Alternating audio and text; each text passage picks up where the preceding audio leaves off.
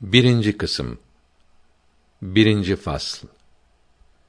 Hemfer diyor ki, Büyük Britanya'mız çok geniştir.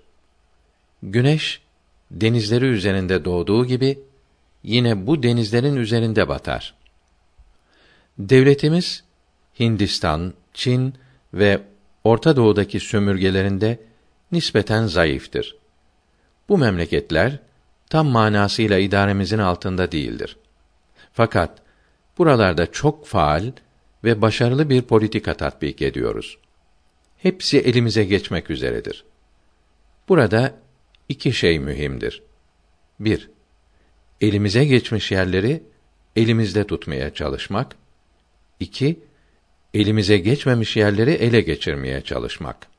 Müstemlekeler, sömürgeler, nazırlığı bu iki vazifeyi ifa etmek üzere bu devletlerin her biri için birer komisyon teşkil etmiştir.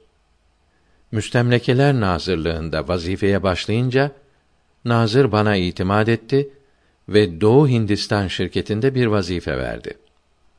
Bu zahirde bir ticaret şirketiydi.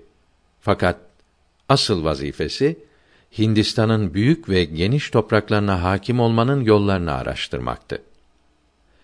Hükümetimizin Hindistan için hiç endişesi yoktu. Zira Hindistan değişik milletlere, ayrı dillere ve zıt çıkarlara sahip bir ülkeydi. Çin'den de pek korkumuz yoktu. Çünkü Çin'e hakim olan Budizm ve Konfüçyüs dinlerinin canlanmasından korkulmuyordu. Zira bunlar hayatla hiç alakalanmayan iki ölü din idi. Binaenaleyh bu iki ülke halkında vatan sevgisinin olması çok uzak bir şeydi. Bu iki ülke biz İngiltere hükümetini rahatsız etmiyordu. Fakat ileride olabilecek hadiseleri de gözümüzden ırak etmiyorduk. Binaenaleyh bu ülkelerde tefrika, cehalet ve fakirlik, hatta sari hastalıkları yaymak için uzun vadeli planlar yapıyorduk. Bu iki ülke halkının adetlerini taklit ederek niyetlerimizi rahatça gizleyebiliyorduk. İslam memleketleri son derece rahatımızı bozuyordu. Hepsi de lehimize olmak üzere hasta adamla Osmanlı Devleti'ni kastediyor. Birkaç anlaşma yapmıştık. Müstemlekeler Nazırlığı'nın tecrübeli adamları bu hastanın bir asırdan az bir zaman zarfında can vereceğini söylüyorlardı. Ayrıca İran hükümeti ile de gizlice birkaç anlaşma yapmış ve bu iki ülkeye mason yaptığımız devlet adamlarını yerleştirmiştik. Rüşvet, kötü idare ve din bilgisi noksan idarecilerin güzel kadınlarla meşgul olup vazifelerini unutması bu iki ülkenin belini kırdı. Fakat bütün bunlara rağmen şu sayacağım sebeplerden dolayı yaptıklarımızın beklediğimiz neticeyi vermemesinden endişe ediyorduk. 1. Müslümanlar İslam'a son derece bağlıdırlar. Her bir Müslüman papaz ve rahiplerin Hristiyanlığa bağlılıkları kadar hatta daha fazla İslam'a bağlıdır. Bilindiği gibi papaz ve rahiplerin canı çıkar da Hristiyanlıkları çıkmaz. Müslümanların en tehlikelileri de İran'daki Şiilerdir. Çünkü onlar Şii olmayanları kâfir ve nets bilirler. Hristiyanlar Şiilerin nazarında kokmuş pislik gibidir. Tabiatıyla insan bütün gücüyle pisliği atmaya gayret eder. Bir sefer Şii'nin birine şunu sordum. Hristiyanlara niye böyle bakıyorsunuz? Aldığım cevap şuydu. İslam peygamberi çok hakim bir zat idi.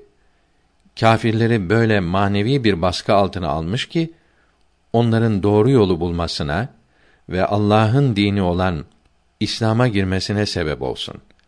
Nitekim devlet de bir insanı tehlikeli bulunca onu itaat edinceye kadar maddi bir baskı altında tutar.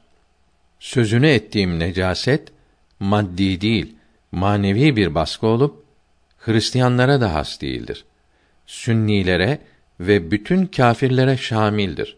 Hatta bizim eski İranlı mecusiler bile Şiilerin nazarında neçstirler. Ona dedim ki, güzel. Sünniler ve Hristiyanlar da Allah'a, peygamberlere ve kıyamet gününe inanırlar. Niye neçs olsunlar? Cevaben dedi ki, iki şeyden dolayı neçstirler. Birincisi, Hazreti Muhammed'i haşa yalancılıkla itham ederler.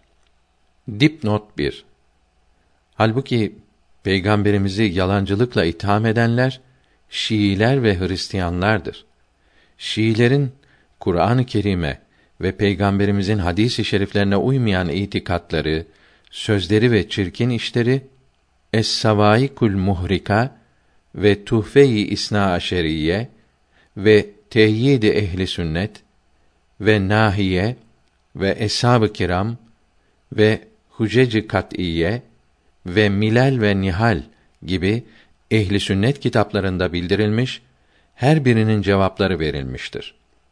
Savaik müellifi Ahmet İbni Hacer Mekki 974 miladi 1566'da Mekke'de Tuhfe müellifi Abdülaziz 1239 miladi 1824'te Delhi'de Teyit müellifi İmam-ı Rabbani Ahmet Faruki 1034 miladi 1624'te Serhend-i Şerif'te Nahiye müellifi Abdülaziz Ferharevi 1239 miladi 1824'te Eshab-ı Kiram müellifi Abdülhakim Arvasi 1362 miladi 1943'te Ankara'da Hucec müellifi Abdullah Süveydi 1174 miladi 1760'ta Bağdat'ta Milal müellifi Muhammed Şihristani 548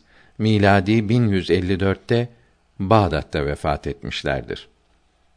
Biz de bu çirkin itham karşısında sana eziyet verene sen de eziyet edebilirsin sözü mucibince onlara siz neçsiniz diyoruz. İkincisi ise Hristiyanlar Allah'ın peygamberlerine kötü isnatlarda bulunurlar. Mesela İsa aleyhisselam içki içerdi. Mel'un olduğu için çarmıha gerildi derler. Ben dehşet içinde adama dedim ki, Hristiyanlar böyle demezler. O ise, hayır, sen bilmiyorsun. Kitab-ı Mukaddes'te böyle yazılıdır, dedi. Ben sustum. Zira adam, ikinci hususta olmasa bile, birincisinde haklıydı. Münakaşayı uzatmak istemedim. Çünkü İslami kıyafetli olduğum halde benden şüphelenebilirlerdi. Bu sebep ile daima münakaşalardan uzak duruyordum. 2. İslamiyet bir zamanlar idare ve hüküm diniydi. Müslümanlar da azizdi. Bu efendi insanlara şimdi siz kölesiniz demek zordur. İslam tarihini kötüleyip Müslümanlara bir zamanlar elde ettiğiniz izzet ve itibar bazı şartlar icabıydı. O günler gitti, bir daha geri dönmez dememiz de mümkün değildir. 3. Osmanlı ve İranlıların yaptıklarımızın farkına vararak planlarımızı bozup tesirsiz hale getirmelerinden çok endişe ediyorduk. Gerçi bu iki devlet büyük ölçüde zayıflemiştir. Fakat mal, silah ve hüküm sahibi merkezi bir hükümetin oluşu bizim emin olmamıza mani oluyordu. 4. İslam alimlerinden son derece rahatsızlık. Çünkü İstanbul ve El Esher alimleri, Irak alimleri, Şam alimleri emellerimizin önünde aşılmaz engellerdi. Zira onlar dünyanın geçici zevk ve zinetlerine karşı Kur'an-ı Kerim'in vaad ettiği cennete girmeye hazırlanan ve kendi prensiplerinden kıl kadar taviz vermeyen kişilerdi. Halk onlara tabi oluyor, sultan bile onlardan korkuyordu. Sünniler Şiiler kadar alimlere bağlı değildi. Zira Şiiler kitap okumuyor, sadece alimleri tanıyor, sultana gereken ihtimamı göstermiyorlardı. Sünniler ise çok kitap okuyor, alimleri ve sultanı tutuyorlardı. Bu hal karşısında birçok toplantılar yaptık. Fakat maalesef her seferinde önümüzde yolun kapalı olduğunu gördük. Casuslarımızdan gelen raporlar hep hayal kırıcı, konferansların sonuçları da sıfır idi. Lakin yine de ümitsizliğe kapılmıyorduk. Çünkü biz derin nefes almayı ve sabretmeyi adet edinmişizdir. Bir toplantımıza Nazır'ın kendisi, en büyük papazlar ve birkaç da mütehassıs, uzman katılmıştı. Yirmi kişiydik. Üç saatten fazla süren bu toplantıda hiçbir neticeye varılamadı. Fakat bir papaz şöyle dedi. Rahatsız olmayın. Çünkü Hristiyanlık ancak 300 sene zulm çektikten sonra yayıldı. Umulur ki Mesih gayb aleminden bize nazar edip 300 sene sonra da olsa kâfirleri Müslümanları kastediyor merkezlerinden çıkarmayı nasip eder. Biz kuvvetli bir iman ve uzun bir sabırla silahlanmalıyız. Hükmü elimize geçirebilmek için bütün vasıtaları elde edip bütün yolları denemeliyiz. Hristiyanlığı Muhammedilerin arasında yaymaya çalışmalıyız. Asırlar sonra da neticeye varabilirsek çok iyidir. Zira babalar çocukları için çalışırlar. Müstemlekeler Nazırlığında İngiltere'nin yanı sıra Fransa ve Rusya'dan da diplomat ve din adamlarının katıldığı bir konferans yapıldı. Çok şanslıydım. Nazır ile aramız iyi olduğu için ben de katılmıştım. Konferansta Müslümanları parçalayıp İspanya gibi dinlerinden çıkararak imana getirmenin, Hristiyanlaştırmanın hesapları yapıldı. Fakat varılan neticeler istenildiği gibi değildi. Ben o konferanstaki bütün konuşmaları İla Melekütil Mesih isimli kitabımda yazdım. Derinlere kök salmış büyük bir ağacı kurutup söküp atmak zordur.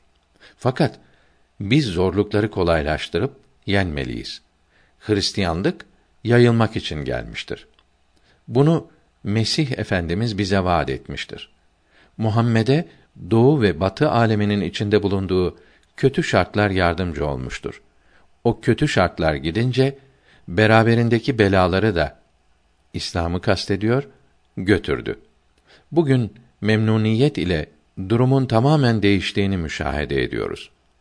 Nezaretimizin ve diğer Hristiyan hükümetlerin büyük gayret ve çalışmaları neticesinde Müslümanlar gerilemeye başladı.